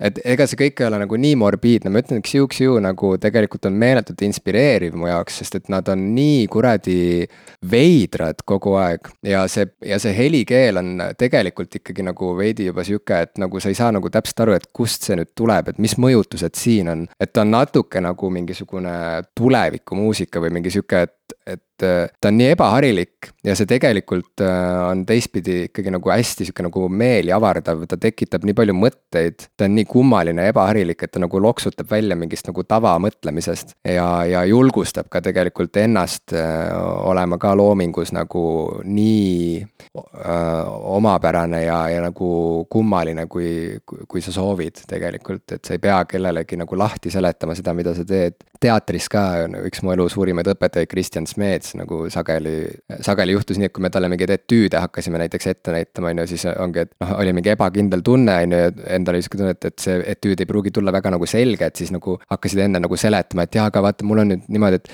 kui ma pärast sealt uksest sisse tulen, siis lihtsalt arvestage, vaata, et ma tegelikult olen mõelnud seda niimoodi, et see on blablabla yeah. ja siis Kristjan lihtsalt nagu peatas selle jutu, ütles, et ära selita. noh, et ära, ära, ära seleta, lihtsalt tee nagu. ja see on kunstis ülioluline asi minu arust nagu, et sa ei pea üle seletama mingeid asju, mingeid subtiitreid igale poole alla panema ja ksiu-ksiu kindlasti seda ei tee. nii et tegelikult see ei ole nagu mul mingisugune enesetapumuusika, vaid nagu pigem ma ütlekski, et ta on nagu, ta on lihtsalt nagu Teraapia. väga kummaline jah, mingil määral isegi teraapiline, sihuke väga aus ja väga huvitav saatja nagu sihukeses igapäevaelus ja üle, üleüldse see celebratory osa ongi see, et ma olen leidnud üle pika aja albumi, mis on nagu noh, suurem kui, kui, kui, kui muusika harilikult mu jaoks ja, ja ma ootan seda, et ma saaks seda osta vinüülil, ma ootan seda, et ma saaks seda kuulda kontserdil. saad aru, ma tahan nagu igatpidi nagu mm, veel kogeda. lähemale saada mm. sellele ja see on nii kihvt, kui muusikaga tekib sihuke side. see sissejuhatus ähm, voogedastustest ja muust sihukesest, noh, ütleme tänapäevasest muusika kuulamist ja kuidas me tegelikult väga ei kogu neid plaate ja nii edasi, et minus on kogu aeg sellist, sellised kaks poolt, mis mind kisuvad. ma olen selline inimene, kes tegelikult tahaks minimaalselt asju oma elusse, ma olen kolinud nii mitu korda riikide vahel, linnade vahel, ma ei taha asju vedada, ideaalis ma tean, et tegelikult ma saaks hakkama sellega, et mul on lihtsalt arvuti, mida mul veel vaja on. Äh,, ma ei tea, kitarri, mööb-, mingit nagu minimaalset mööblit, et ma tahaksin nagu hoida. mul oleks vaja väga, mulle meeldib, kui mu köögis on nagu hullult asju, millega ma saan erinevaid asju teha, aga noh, teoreetiliselt ma tahaks nagu hoida kõike nagu võimalikult minimaalselt. see on nagu üks pool minus. ja siis teine on see, kes nagu armastab muusikat nii väga, et ma olen vedanud omale koju mingit äh, aastakümnet vanad äh, muusika kuulamise tehnoloogiakraami ja, ja iga kord, kui ma käin oma vanematel külas, siis ma vahel jalutan ringi seal meil kuskil Pööningul, kus meil on veel vanad lintmakid ja grammofon grammofonid ja, ja, ja kassetimängijad ja raadiod ja asjad, meil on nad kuidagi niimoodi ära pandud ja vahel neid saab isegi tööle veel panna ja katsetada ja proovida. Ja noh, ma nagu armastan seda asjade maailma ja, ja eriti ma armastan oma, oma plaate et mul on ikkagi see füüsiline kogu sellest muusikast. ja teisiti ma vaatan seda ja mõtlen, et seda kõike ma saaksin asendada pea, peaaegu täielikult. üheksakümmend protsenti sellest ma saaksin asendada sellesama Spotify'ga või, või, või iTunesi või mille iganesega ja mul ei oleks seda vaja, aga seal on jäänud see mingi tõmme ja, ja see nagu seda on nagu raske kuidagi nagu, raske on ennast moderniseerida selles maailmas, sest ma olen selline albuminimene äh,. tänapäeva muusikat minu arust ei kuulata enam albumi kontekstis, muusikat ei, isegi võib-olla ei tehta nii väga enam albumi kontekstis, kui tuleb välja mingi album, mis on nagu mõeldud albumiks, siis sellest räägitakse eraldi, et Beyonce, mis see Lemonade, eks ole, oli, oli album, mis tehti kohe nagu kontseptsioonina ja yeah., ja ma ei tea, mingid Kanye Westi plaadid ja millest räägitakse yeah., need nagu tehakse albumid. saad aru, ma ühesõnaga ma lihtsalt mainin, et ma nii noogutan siin praegu mul on nii hea meel, et sa räägid sellest, sest et äh, mulle tundub, et, et see on ka, me oleme kaduv liik, see albumi kuulajad mm, -hmm. see on, see on kaduv liik, sest et inimesed tõepoolest pigem kuulavad üksikuid lugusid. Neil on playlist'id, nad kuulavad Youtube'ist mingisuguseid erinevaid lugusid, mis parasjagu tunduvad huvitavad ja see, et kas, mis albumilt, mis aastal, miks, kes produtseeris, äh, mis see kontekst oli oli, see on nagu nii teisejärguline. Kas sina teed playlist'e, sul on ka Spotify, teed playlist'i, eks ole, ma, mul on siuke tunne, ma ei oska playlist'i teha. mul on, mul on see süsteem kuidagi väga segane, ma kirjutasin sellest pika blogipostituse, ma isegi vahepeal tweet isin Spotify support'iga, sest mul on, mul oli siuke tunne, et Spotify ei, ei anna mulle seda, mida mul vaja on. eks ole, kui Spotify on minu muusikauniversum, siis ma tahaksin sealt välja noppida plaate, mis mulle meeldivad, teha oma digitaalse nagu plaadiriiuli, aga aga seda võimalust ei ole, ta ei ole nii, et, et mul on nagu raamaturiiul digitaalselt, et mul oleks nagu digitaalne plaadiriiul. mul on nagu lugude sahvrid, kuhu ma need lood kokku laon, need playlist'id, aga mul ei ole sihukest, noh, sa saad nagu kuidagi. ei, aga sealt panna, saab lisada panna, ju. panna mingid südamekesed või mis sulle meeldib või mingi plussi ja sa saad ka terve albumi playlist'i tõsta, aga ta tuleb seal ikkagi nagu lugude listina, et ta ei ole nagu selline, selline ilus grid plaadikaasi või, või, või niimoodi, et ma saaksin seda kuidagi nagu enda järgi seada, et milline näeb välja minu plaadiriiul, mitte. okei okay,, võib-olla seda tõesti, võib-olla seal on organiseerida neid keeruline, aga ma olen küll lisanud albumeid, nagu seal on mingisugune funk-, mingi valik on seal, et add to my albums ja, ja siis ongi sul seal menüüs link nimega albums ja vajutad sinna peale ja siis seal nad on. ja, ja aga see on ikkagi kuidagi jälle selline, võib-olla see on ka see, et, et ma nagu ei oska seda, ta, ta nagu see tabelsüsteem muusika haldamiseks kuidagi lihtsalt ei sobi mulle või, või ma, ma tahan, ma tahan neid näha nagu albumit. aga sa vahepeal kasutasid iTunesi, kui seal oli veel see, kui seal veel oli see albumi vaade, kus oli sihuke must taust ja need albumid olid, olidki niimoodi üksteise kõrval reas ja liuglesid niimoodi sinust mööda, kui sa seal lappasid, et. see mulle see ka väga ei sobi. ei sobinud. mis okay. mulle, mis mulle meeldib iTunesis oli see nii-öelda plaadivaade, et näita albumitega näiteks viimati lisatud või ma ei mm, -hmm. ma ei tea, kuidas pidi ta oli, et näita lihtsalt plaadikaasi, aga see hakkab ka nagu, kui sul neid jube palju on, see nagu noh, ta, ta nagu näeb keeruline välja, see võib-olla üldse nagu räägib sellest, kuidas see digitaalne andmemaht on meeletult suur ja kuidas seda üldse niimoodi sorteerida digitaalselt on, on mugav ja, ja inimesele arusaadav. aga, aga see on, see on nagu asi, mis ma tahaksin nagu eraldi albumi playlist'e Spotify's, mis kuidagi minu järgi käituksid või, või minu nagu enda loogika järgi. aga nüüd mul on praegu sihuke süsteem tehtud Spotify's, et mul on playlist'id jagatud, albumi playlist'id, mis on jagatud žanri järgi ja siis on mul mingid lugude playlist'id, et näiteks on mingi lugu, mis on välja tulnud singlina ja see singel mulle õudselt meeldib, aga näiteks see plaat ise nagu väga ei istu või see žanr pole minu teema, et siis mul ongi nagu sellised äh, eraldi nagu lugude listid, mingid natuke žanri järgi, mõned on näiteks mingi jõulumetali playlist, mis mul on see, mida ma iga jõuluaasta, iga aasta jõulude ajal kuulan ja siis mul on mingisugused, mingisugused üksikud välja valitud seal. oota, aga ma lihtsalt küsin vahele, et kas need on siis nagu metal, metal versioonid jõululugudest või? jah oh,. see kõlab nii kohutavalt. ja, ja siis mulle, mulle meeldib, seal on üks on ja nad on natuke, mõned on natuke ümber tehtud, et nad on nagu Alice Cooper laulab näiteks Santa Claus is coming to town, vaata okay. nagu natuke halvad fännid okay, ka. no see kõlab natuke toredalt. jah, et ma tean, sulle huumor muusikas ei meeldi, aga seal on päris head mingid siuksed nagu mm, death metal cover'id näiteks uh, Silent Night, Holy Night ja no see on lahe playlist, ma pärast jagan sulle, aga aga mul on ka nagu see põhiteema ongi need albumi playlist'id, et, et kui ma, mul on praegu sihuke süsteem, kui Discover Weekly näiteks, ma, ma kuulan seda enam-vähem iga nädal, et mida Spotify arvab, et minu, minusugune inimene võiks kuulda. et, et kui sealt ma leian mingi muusika, mis mulle või mingi laulu, mis mulle meeldib, tavaliselt see Discover Weekly on mul nagu taustaks. ja kui see lugu on piisavalt hea, et ta äratab praegu mu tähelepanu, eks ole, ta tõmbab mu välja sellest, mida ma parasjagu teen mm, -hmm. siis ta läheb sinna nii-öelda temporary list'i ehk siis kuula kuula seda plaati mm, -hmm. et see üks lugu nagu läheb, läheb kuhugi temporary listi. ma, ma mingi hetk nüüd võtan, mul on to do list'is märge, et, et korrasta Spotify'd, iga nädal see käib nüüd läbi ja siis ma lähen sinna Spotify'sse, võtan nüüd selle plaadi ette, mõtlen, kas see plaat mulle meeldib. kui see plaat mulle meeldib, siis ma valin, mis žanr ta võiks olla ja viskan ta sinna albumi playlist'i. nüüd, nüüd kadus järg käest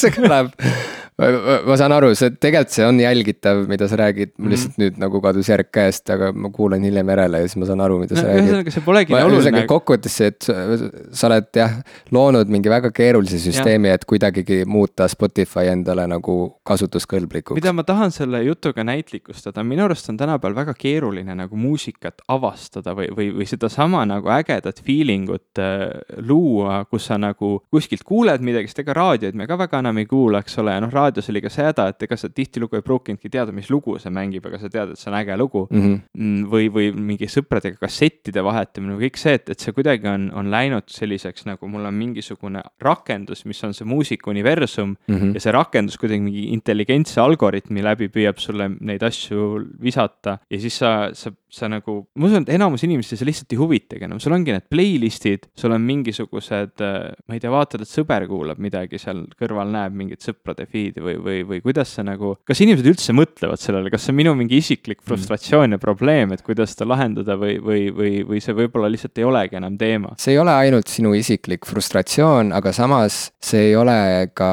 mingi probleem, mis on päriselt probleem no,. see, see on äh, see on jällegi friikide teema ja ma arvan, et siin lõpuks otsustab inimloomus lihtsalt, et äh, tegelikult siin on võimalik ju tõmmata paralleel ka kõigi nende date imisäppidega et äh, räägitakse, et oo, vanasti, kui sa olid, on ju, üksik inimene, sa pidid ikka minema õue pidid minema baari päriselt või kuskile mis iganes koosviibimisele, on ju, seal alustama vestlust kellegagi seal, no enne seda veel, on ju, eks ole, inimesed üldse, eks ole, seal flirtisid kuidagi kirja teel niimoodi, et vahepeal ootasid, eks ole, seal neli kuud võib-olla mingit vastust, on ju, mingisugune keegi Katariina kuskil Siberi äärel ootas Moskvast Aleksei kirja ja kas see jõuab tõllaga kohale, saad aru, et see kõik. miskipärast Vene romantika on kuidagi parem kui muu maailma romantika. ja, ja see on täitsa eraldi teema ja ma ei tea, kas seda eales jõuab lõpuni rääkida, aga nii see on.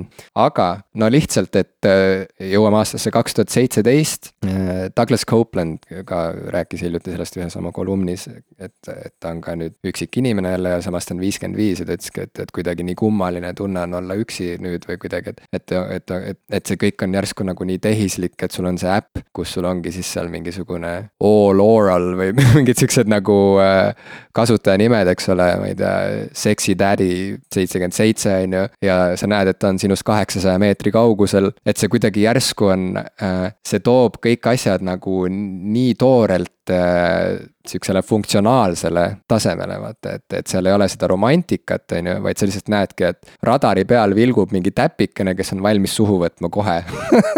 Ja siis sa umbes tead, et noh, ta jõuaks umbes nelja minutiga siia, väga hea, sobib või ei sobi. Swipe left or right, vaata, et see on nagu nii see on nii teistmoodi kui, kui siis, kui Katariina ootas oma kirja, aga. ükskõik, mis sotsiaalsetest reeglitest me selle nii-öelda date imise kontekstis räägime, ma olen ikka lihtsalt nagu nii meeletult õnnelik, et ma ei ole vallaline Üks, ükskõik, mis süsteem see on, ma lihtsalt arvan, et ma tunneks ennast igatpidi ebamugavalt nagu mm. absoluutselt igas kontekstis. aga samas ma arvan, et äh, selle hirmuga ei pea minema ka liiga kaugele, sest et ega noh, masinad võivad äh, pakkuda meile igasuguseid. ei no lihtsalt, et, et iga, iga, iga seksitädi on lõppkokkuvõttes ikkagi ju ka inimene, kes ja inimloomusega käib kaasas minu arust ikkagi soov äh, ülevate tunnete järele, soov, soov romantika järele. et noh, kui, kui ükskõik kui nagu mingisugune kuidagi nagu otsekohene ja aus, on ju, keegi enda meelest ka ei oleks, et siis ikkagi on erinevaid igatsusi ja tundmusi, mis, mis eristavad meid lihtsalt robotitest, kes lepivad omavahel kokku, et too mulle, mul, mind on vaja õlitada, sa oled kaheksasaja meetri kaugusel, tule siia. noh, et, et seal on midagi muud veel ja ma arvan, et nagu muusika puhul on samamoodi, et, et sa ütlesid, et on ju, et enam just, just nagu ei saa avastada asju. ja sellega seoses meenub eh, kunagine kuulus komöödiasari Tuvikesed mis selle ingliskeelne originaal peal oli? Married with children. Married with children seal oli üks sihuke sketš, kus äh, muusikapoes oli pikk järjekord ja siis see muusikapoe müüja oli tohutu muusikaekspert ja inimesed, kes seal järjekorras olid, järjest siis ümisesid talle mingeid viisijuppe, mida nad olid kuskilt raadiost või kuskil mm -hmm. poes kuulnud, on ju. kas selle mehe nimi oli Shazam või? Äh, no ta oli Shazami isa igal juhul mm. -hmm ta oli Shazami prototüüp kindlasti ja et ja see mees siis nagu on ju selle halva ümisemise peale nagu sai kohe aru, et aa, see on see ja siis tõi selle albumi ja müüs selle sellele inimesele, on ju. tänapäeval meil on Shazam selle jaoks, aga siiski ja noh, mulle meenub, on ju see, kuidas ma ise, eks ole, tulin koolist koju, panin Mega FM-i käima, eks ole, kõige kõvem raadiojaam eh, Eesti ajaloos, Mega FM, mis pandi FM. kinni ja mille asemele tuli Star FM, mis siiamaani õitseb. Eh, sina Mega ei kuulanudki raadiot eh, V6 või?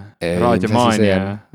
ei, ei, ma ei viitsinud, ei, ma ei olnud nagu mingi Terminaatori inimene Te. Ma... Terminaator okei. ma hakkan pahaseks minema Mega FM-ist oli näiteks Björk on ju. Mega FM-ist tuli trummi ja bassi, sealt tuli hip-hopi, sealt tuli no, nagu asju, mida päriselt tahaks mega, kuulata. megavärki. ja, ja, ja siis äh, oligi nii, et äh, tuli mingi äge lugu, ma jooksin, on ju, kuskilt, kus iganes ma kuulsin, mis asi see on. jooksin oma raadiomaki juurde ja panin kassetile lindistama selle loo, on ju. jupike jäi alguses puudu, aga noh, mul oli vähemalt see, jällegi mul oli sihuke tunne nagu, nagu ma oleks püüdnud kinni mm -hmm. midagi, saad aru, nagu ma oleks nagu jahil käinud yeah. korraks, vaata. et jah, seda asja enam ei ole mingil määral, aga samas nagu ei saa öelda, et inimesed ei avasta enam asju, et, et sa ei saa, sest et kõik ei ole olemas sul seal Spotify's, sa ikkagi võid minna kuskile teise kultuuriruumi reisima. käia seal turul, osta mingi kohaliku muusika, kohaliku muusiku mingisugust albumit, mida sa ei saa isegi Amazonist endale tellida, on ju. rääkimata sellest, et sa saad ka nagu oma siinsamas koduses Eestis tegelikult sattuda peale mingile keldrimuusikule, kes ikkagi tundub sulle eriline, eriline vaatamata sellele, et tal on võib-olla Bandcampi leht, eks ole, et, et äh, ma arvan, et siin ikkagi otsustab jah, nagu ma ütlesin, nagu inimloomus, et me tegelikult ei taha, et me lõpetaks päris nii, et äh, nagu ühesõnaga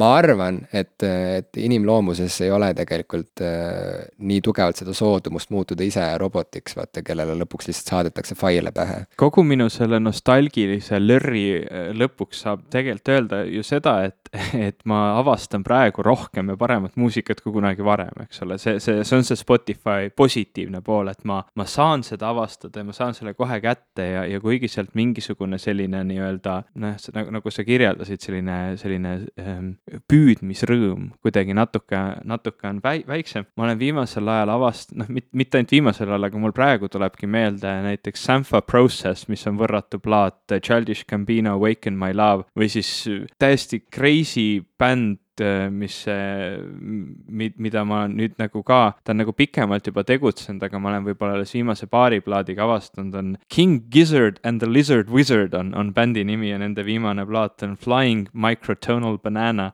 väga, väga crazy sihuke proge psycho bänd ja, ja, või mitte psycho, psycho on vale sõna, aga sihuke psühhedeelne proge rock, stoner rock värk, et, et selline tõesti nagu huvitav muusika ja, ja tõesti seda, see, seda nagu ägedat muusikat praegu enda ümber ma nagu näen hästi palju igal pool. võib-olla see ka nagu natukene tõmbab seda nagu maha, seda feeling ut, et ei ole enam sellise nagu teemandi avastamist järsku nii, nii palju, kuna kõik on nagu justkui äge ja kõike saab kuidagi kätte. mul äh, viimasel ajal ma hästi palju Offspringi kuulanud, sest tuligi selline natuke nostalgiline meenutus peale ja, ja ma mäletan, kui ma esimest korda Offspringi kuulasin, see oli kuidagi nii, et meil oli üks Soome perekond külas ja nende pojal oli Offspringi kas kassett või CD-plaat. kõlab nii nagu, et vot täpselt nii see pidigi juhtuma sel ajal, kui sina üles kasvasid. no enam-vähem, eks ole, et Soome pere tõi meile. tuleb ja kuulab Offspringi, see on täpselt see. Äh, ja, ja tal oli kaasas kas CD, CD-plaat või kassett, ma ei mäleta täpselt, millal see oli, kas meil oli kodus juba võimalus CD-si kuulata, aga igatahes mu isale meeldis see plaat. mul on väga ägeda muusikamaitsega isa ja ta, ta, ta lindistas selle ümber ja siis see oli see, see Offspringi Americana kassett, mis oli nagu täielik sihuke, sihuke nagu kogu aeg repeat'i peal, eks ole, ma kuulasin seda isegi rohkem võib-olla, kui ma kuulasin mõne aasta, mõni aasta varem tol hetkel siis äh, Bella, onu Bella plaat,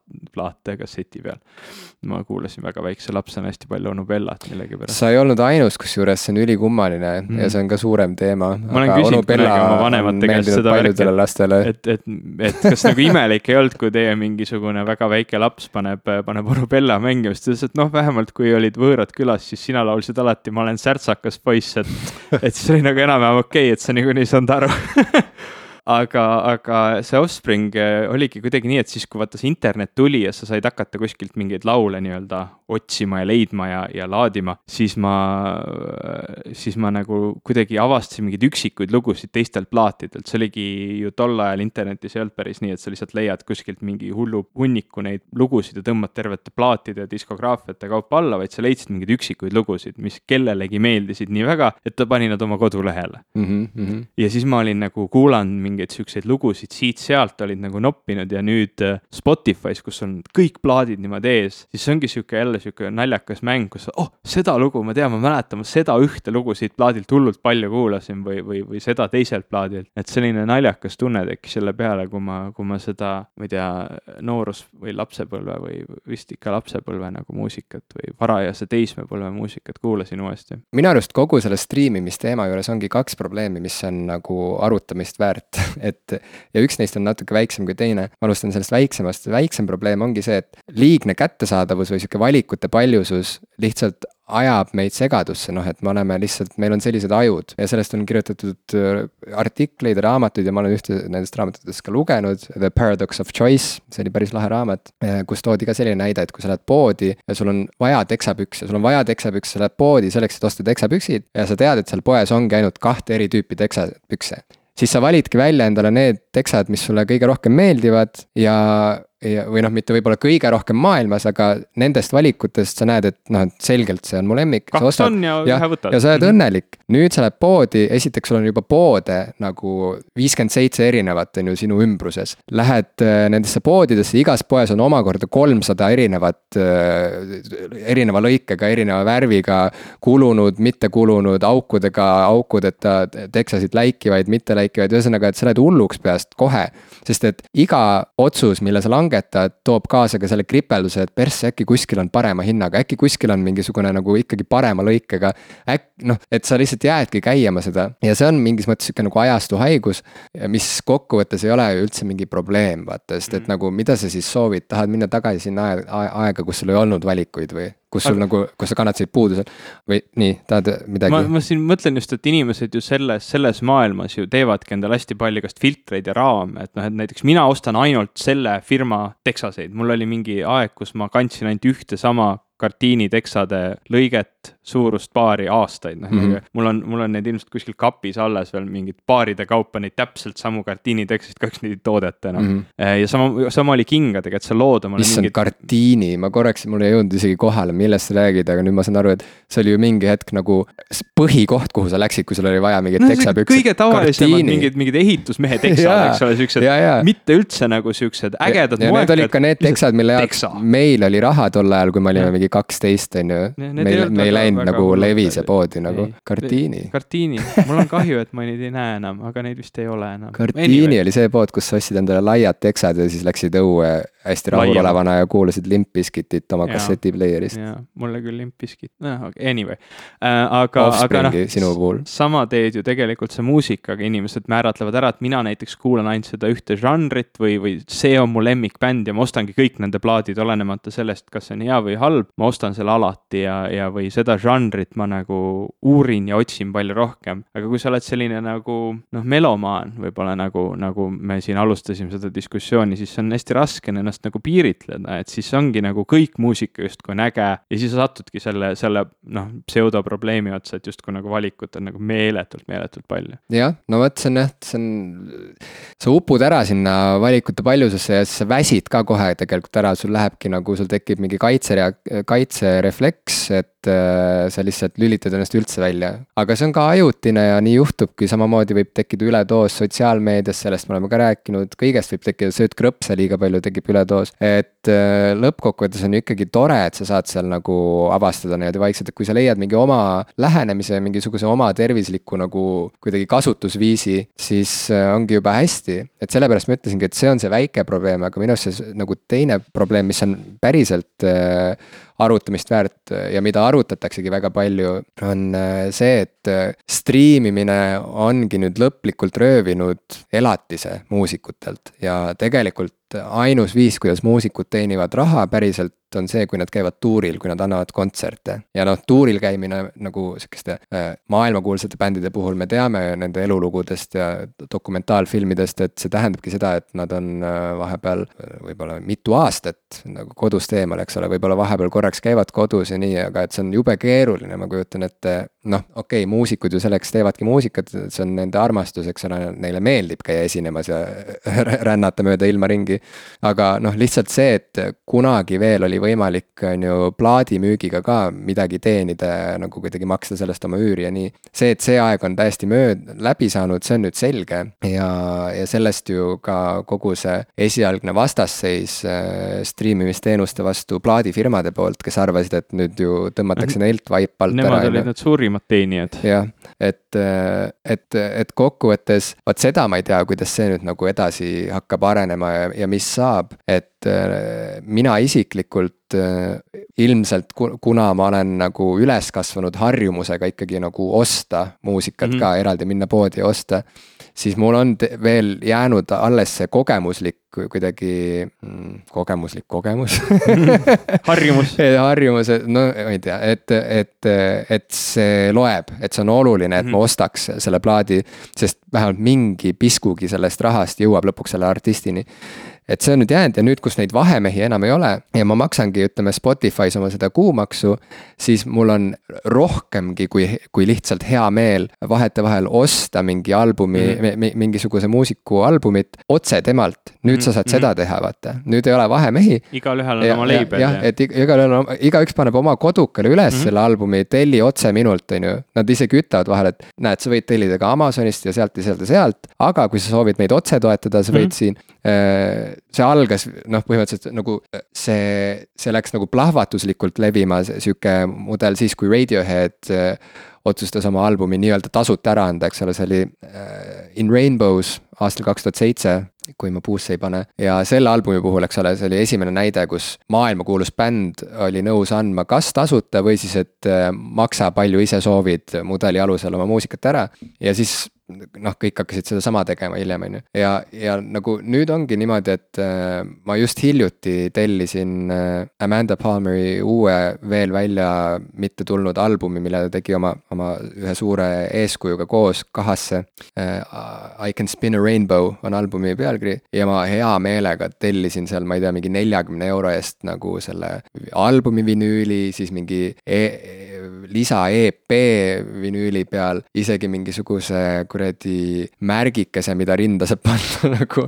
ühesõnaga täispaketi lihtsalt tellisin ära mm, -hmm. et varem ma oleksin Terve nagu pikalt mõelnud, on ju, aga kuna ma olen harjunud, et nüüd see on see uus mudel ja nüüd, kus ma enam ei osta aktiivset muusikat tegelikult, siis nagu sellised väiksed žestid tähendavad jube palju, palju rohkem kui vanasti. Äh, kui sa lihtsalt andsid plaadipoodi oma raha, on ju, et nüüd, kus sa tead, et see artist nagu ei teeni enam albumi müügi pealt suurt midagi, on see eriti suur asi, kui sa nagu hoolid artistist nii palju.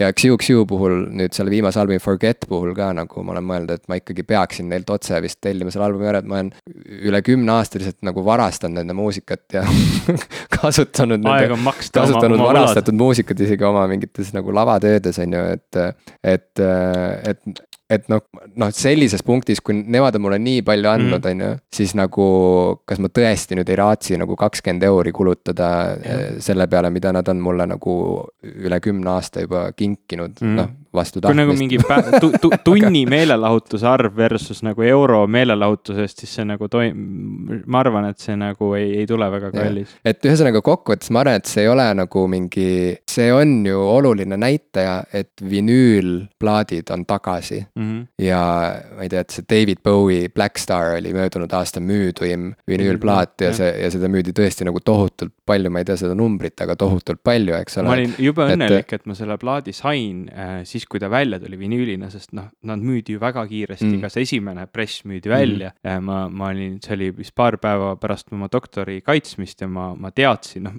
kogu see värk oli, ma, ma olin tegelikult kuulanud seda plaati äh, või neid esimesi lugusid enne, kui tuli üldse see uudis, et, et Bowie suri. ma olin seda plaati kuulanud enne, kui, kui see uudis tuli, mulle juba ta nii meeletult meeldis ja, ja see nagu lisadimensioon tegelikult see, sellele loole, mis tema tegelikult see surm nagu andis äh, olgu see siis noh, noh kahju, et see nii pidi, pidi minema, aga tegelikult selle, selle plaadi ju tegi selleks plaadiks see, et ta, ta pärast seda suri. Eh, et ma, ma sain ta nagu kätte mm, -hmm. ma, ma sain ta kätte siis ja, ja oligi väga ruttu see plaat müüdi välja ja mul on sihuke tunne endal ka, et kui ma oleksin oodanud nüüd, kui see uus press tuleb, siis ei oleks enam seesama olnud, lihtsalt ma, ma pidin ta nagu tol hetkel kätte saama. vaata, et see ongi ma lähen nüüd selle võrdlusega päris kaugele mm -hmm. tegelikult, aga, aga noh, mingis mõttes vaata, ütleme, kui inimesed abielluvad, nad ka kingivad teineteisele siukse ühe füüsilise asja, eks ole, mis on siis sõrmus, eks. et, et siis ütleme, bändide puhul inimestel on muusikaga ka ikkagi nagu väga sügav side äh,. ikkagi, kui inimest vähegi muusika huvitab, siis see side on ikka noh, sihuke nagu noh, üks sügavamaid, mis, mis saab üldse olla sul millegagi veel siin elus nagu, et muusika on tavaliselt inimestele väga hingelähedane. ja, ja minu arust nagu see füüsilise albumi ostmine, koju toomine, riiulisse panemine, isegi kui sa tead, et sa võib-olla võib-olla kuulad seda korra kahe aasta jooksul, on ju. ta on ikkagi mingisugune sihuke talismann, mis kannab endas nagu seda seda, ta on, ta on tõestus sellest, et, et te nagu saite kokku, te olete oluliselt mm -hmm. teineteisele, see bänd ja see bänd sulle ja sina sellele bändile. ja, ja selle, selle suhte märgiks siin on see füüsiline objekt, see teos, mida mm -hmm. sa saad käes hoida, mis meenutab sulle, et see kontakt sai loodud mm. -hmm. et, äh, et noh, inimestena meil on vaja vahetevahel neid füüsilisi siukseid meeldetuletajaid või siukseid nagu tähistajaid, sellepärast meil on ka olemas monumendid, sellepärast meil mm -hmm. on mhm. skulptuur, et. Äh, midagi salvestada. see on, see on osa sellest, kuidas me asju meelde jätame, see on osa sellest, need on natuke nagu mingisugused siuksed, mingid siuksed nagu teeviidad või teetähised meie nagu emotsionaalsel mälul ka. et kõik ei ole ainult äh, virtuaalne ja ma arvan, et see ka ei muutu selliseks, sest et jällegi inimloomus on selline. meil on vaja ka käegakatsutavat ja, ja, ja see on tulnud tagasi muusikas. mudel on muutunud, aga kõik muutub. põhiline on see, et inimesed armastaksid muusikat ja see on ju endiselt jäänud. see mudeli muutus mind üldse tegelikult nii väga ei morjenda, muusika on noh, täielik superstaar superstaari majandus, eks ole, või superstaari nagu jah, superstaari majandus, et, et tegelikult muusikat suudavad väga paljud teha. me, me kõik tunneme tegelikult päris mitut inimest, kes teevad täitsa hästi muusikat, me võib-olla teame isegi päris kõvasid bände Eestis või, või mõni meie sõber mängib mingis väga, väga kõvas bändis, see ei ole nagu asi, mis on reserveeritud vaid üksikutele väga osavatele inimestele, muusikat suudavad teha väga paljud ja, ja igaüks meist või, võib laulma minna noh, ma ei tea, siis kui ühendkoorid laulavad äh, laulupeol või, kus iganes, muusika on midagi, mida me jagame, see ei ole nagu nii, nii selline kinnine asi ja see, et nüüd, et nüüd me, me, me oleme nukrad sellepärast, et selline muusikute see maailm, see kitsas maailm, kus ainult üksikud said plaate teha ja, ja selleks, et neid saada, me pidime maksma ükskõik mida või, või, või noh, et, et see kõik oli nagu kuidagi nii kontrollitud, et see nüüd on lagunenud, see, see üldse mind tegelikult ei kurvasta, muusika eest võib-olla ei peagi nii palju teenima, ma noh, see võib olla selline vastumeelne väide, et noh, igaüks võiks oma kunsti eest ju või või, või oma loomingu eest teenida piisavalt, aga, aga ta on superstaari majandus, kui sinu muusika on, on väärt seda, siis sa ilmselt ka teenid ja, ja kui ta ei ole, noh, see on, see on tegelikult kuulajate otsustada. see, see väärtus, see, sellel ei ole nagu iseeneselikku väärtust, nagu on laual. Lau-, laud on funktsionaalne ese, mida sul on vaja elus, sellepärast et sul on vaja midagi, kuhu peale asju panna või, või, või, või arstiteenus on ne? vaja, sest muidu sa võid Just. ära surra või, või oled väga, väga kannatad, eks ole, muusikal ei ole sellist iseeneselikku väärtust väärtust yeah., meie kuulajatena otsustame selle väärtuse yeah.. ja, ja noh, kui me oleme otsustanud, et tänapäeva meeletult suure rahvaarvu, meeletult suure loojate hulgaga maailmas selline mudel nüüd ongi, et, et muusika lihtsalt ongi selline pidevalt meid ümbritsev asi, siis nii ta on ja seda raskem on siin nendel üksikutel noh, välja paista. aga neid võimalusi on järjest rohkem, vinüül on tagasituleku teinud, sest ta on eriline. ta on eriline asi, mida bänd on valmistanud, nad on võtnud eraldi mõtte, et me teeme mingi erilise asja. ja, ja sina siis nagu fännina saad öelda, mulle meeldib see bänd nii väga, et mina teen nüüd midagi erilist ja lähen ostan selle vinüüli, ma lähen kohe vinüülipoodi või, või, või tellin netist, aga, aga ma, ma saan selle füüsilise eseme. tal ei ole parem helikvaliteet, ta ei ole mugavam kasutada, tal ei ole nagu mingit sihukest otseselt ratsionaalset lisaväärtust, aga ta on selline eriline asi ja seetõttu ju inimesed neid tegelikult ostavad. aga mul on nüüd üks väga raske, raske asi lahendada, sellepärast et ähm, just natuke aega tagasi tuli välja äh, selline, selline album nagu Twelve Egg Monkey. plaat äh, ära äh, isegi räägi. ma ei, mul isegi ei tule selle, sellel plaadil oli päris keerukas nimi, mingi spa. Xibalba spa. jah, Xibal-, vot see esimene sõna oligi, mida ma ei suutnud meelde jätta ja, ja ma mõtlesin, et ma kuulasin seda esimest singlit või, või oli see teine singel, igatahes selle loo nimi oli Mu sitt on kosmos. see oli väga äge lugu ja mõtlesin, et oh, seda plaati tahaks. ja siis ma hakkasin uurima, et, et veebis oli ta nüüd müüdav sellise digitaalse pakina, et tõmbad alla ja siis sa saad selle, selle plaadi oma arvutis kuulamiseks. mõtlesin, et oh, et okei okay,, et ma võiks seda teha, aga, aga äkki on CD ka väljas ja siis tuli välja, et see CD oli sihuke eriväljalase, mida vist ainult kolmsada tükki tehti ja need kõik müüdi jube ruttu maha ja see kõik toimus siis, kui mina ei olnud üldse tähelegi pannud. ja siis ma, siis ma nagu Twitteris, Twitter on sihuke geniaalne koht, kus ükskõik kes saab ükskõik kellega suhelda, isegi, isegi minusugune tölmok võib siis Genkalt küsida, et, et kas, kas vinüül ka on, on tulemas ja tuleb välja, et plaani ei ole. ja nüüd ma olengi nagu natukene sellises olukorras, et mul on tunne, et ma tahaks seda plaati kuidagi nagu eriliselt omada, aga ilmselt ma ostan ta digitaalselt, sest see on vähemalt midagi, mida ma saan teha praeguses olukorras, kus ma ei taha vist, kas ta oli tuhat kakssada eurot, oli mingi väga-väga special edition sellest plaadist nagu füüsilisel kujul, mida see ma ilmselt ei, või kaks tuhat viis, igatahes väga palju. et, et seda ma mõtlesin, et ma vist ei ole, ei ole nõus ostma või tähendab päris kindel, mul lihtsalt ei ole seda rahagi olemas, et seda osta. ma saan aru raske, sellest murest mure. ja ma arvan, et jah, osta lihtsalt see digitaalne versioon ja, ja tegelikult äh, aeg on näidanud, et kui mingi asi hakkab oma elu elama, siis hakatakse igasuguseid lisa eriversioone veel välja andma. nagu näiteks seesama XUXU Knife Play, mis tuli lõpuks kassetina välja mm, -hmm. mida, mis oli ka vist, neid tehti limiteeritud koguses ja mul oli võimalus see osta. ja kõik need erinevat värvi, uued välja, väljalasked, eks ole, et on kasutatud seal punast vinüüli materjali või sinist või valget ja kõik, kõik, kõik need mängud nagu tulevad ja lähevad ja nii, et.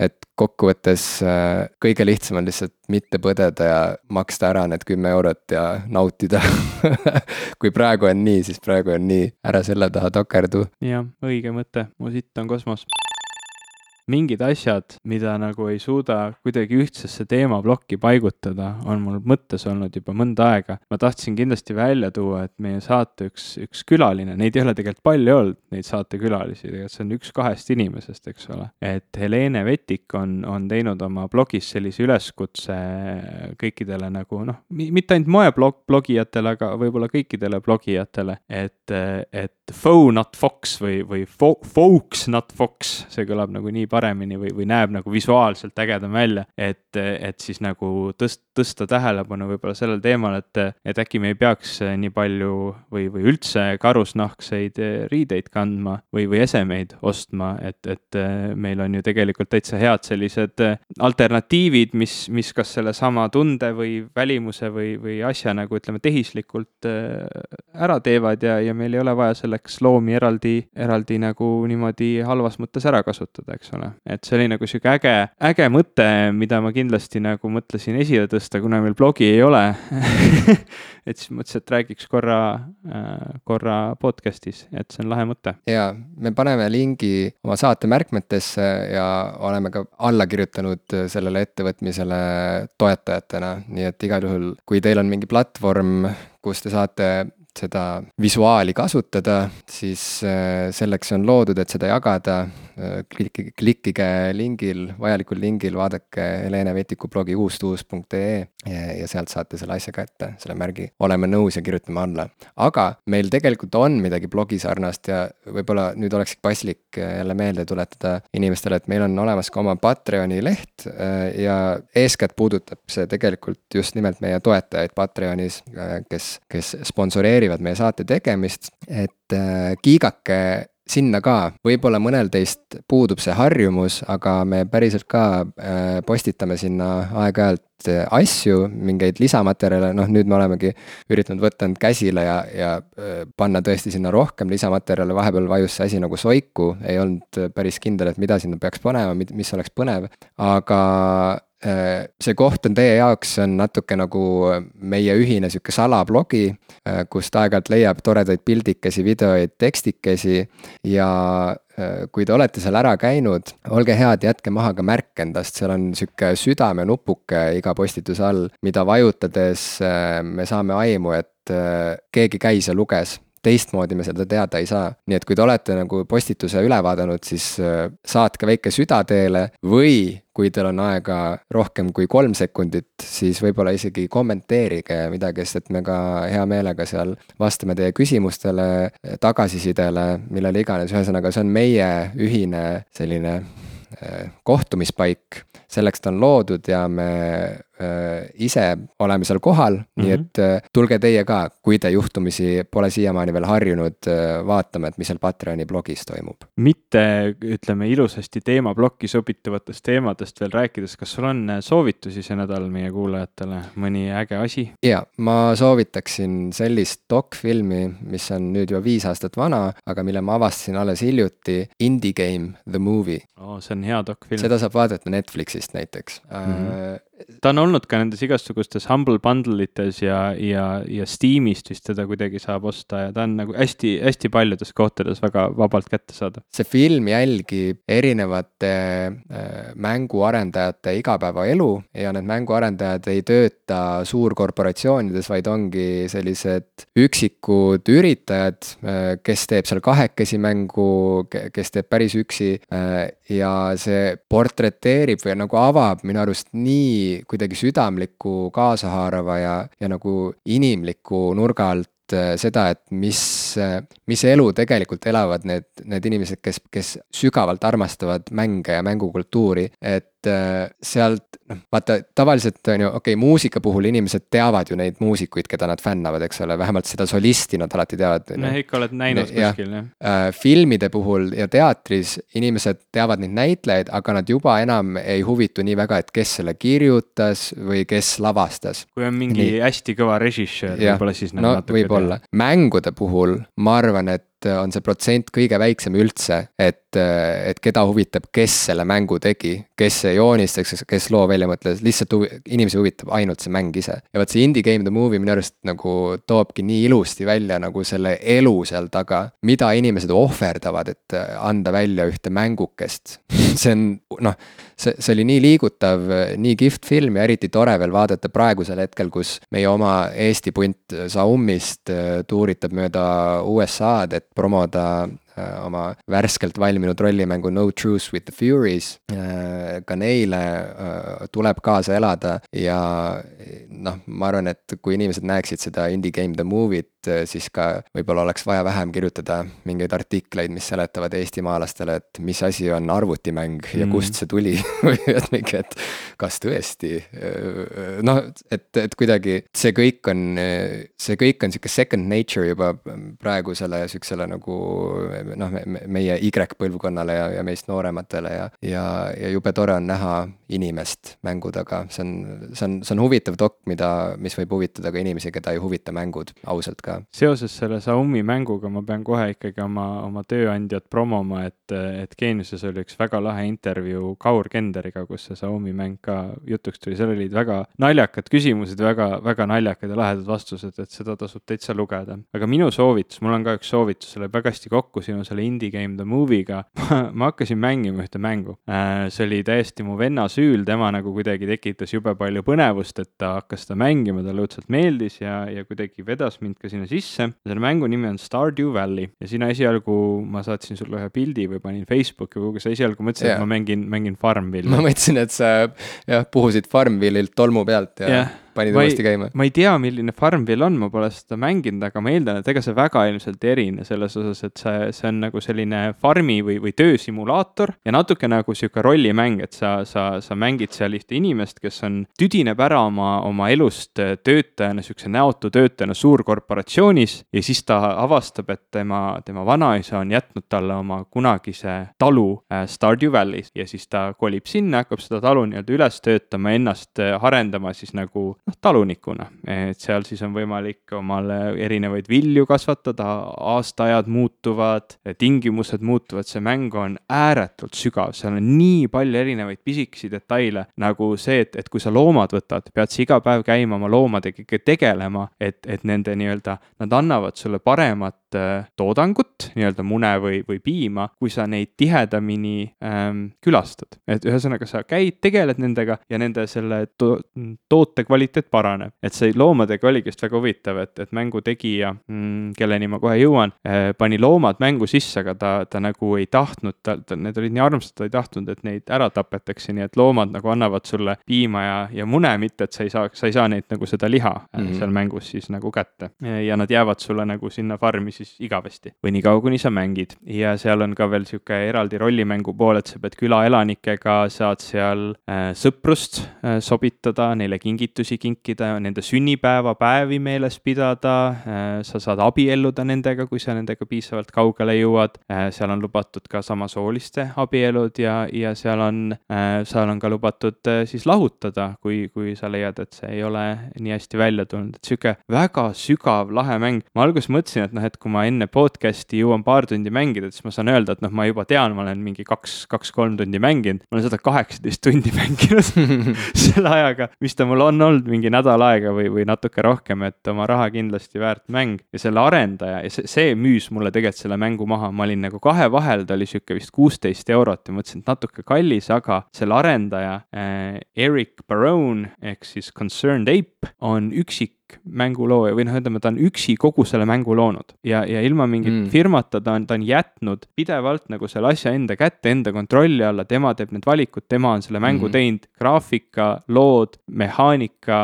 muusika, kogu paki. Ja ta teeb seda hästi ja ta on, ta on fännidega ääretult avameelne olnud, võtnud kuulda seda, mida soovitatakse, kui on tekkinud mingeid tehnilisi probleeme, inimesed on näiteks oma save mängud ära kaotanud, ta on isiklikult need save mängud püüdnud mm taastada ja neile tagasi saata, et noh, sihuke ideaalne näide sellest, kuidas hästi teha sellist indie või, või iseseisvat mm mängu, et, et ma olen, ma olin väga, väga muljetavaldav oli kogu see värk. olles näinud Indie Game The Movie't, ma suudan täpselt ette kujutada, mis vaev ja pühendumus ja aeg on läinud selle sinu kirjeldatud mängu tegemisse ja, ja, ja, ja ühesõnaga mängige, vaadake ja kuulake meid jälle järgmine kord, head aega. head aega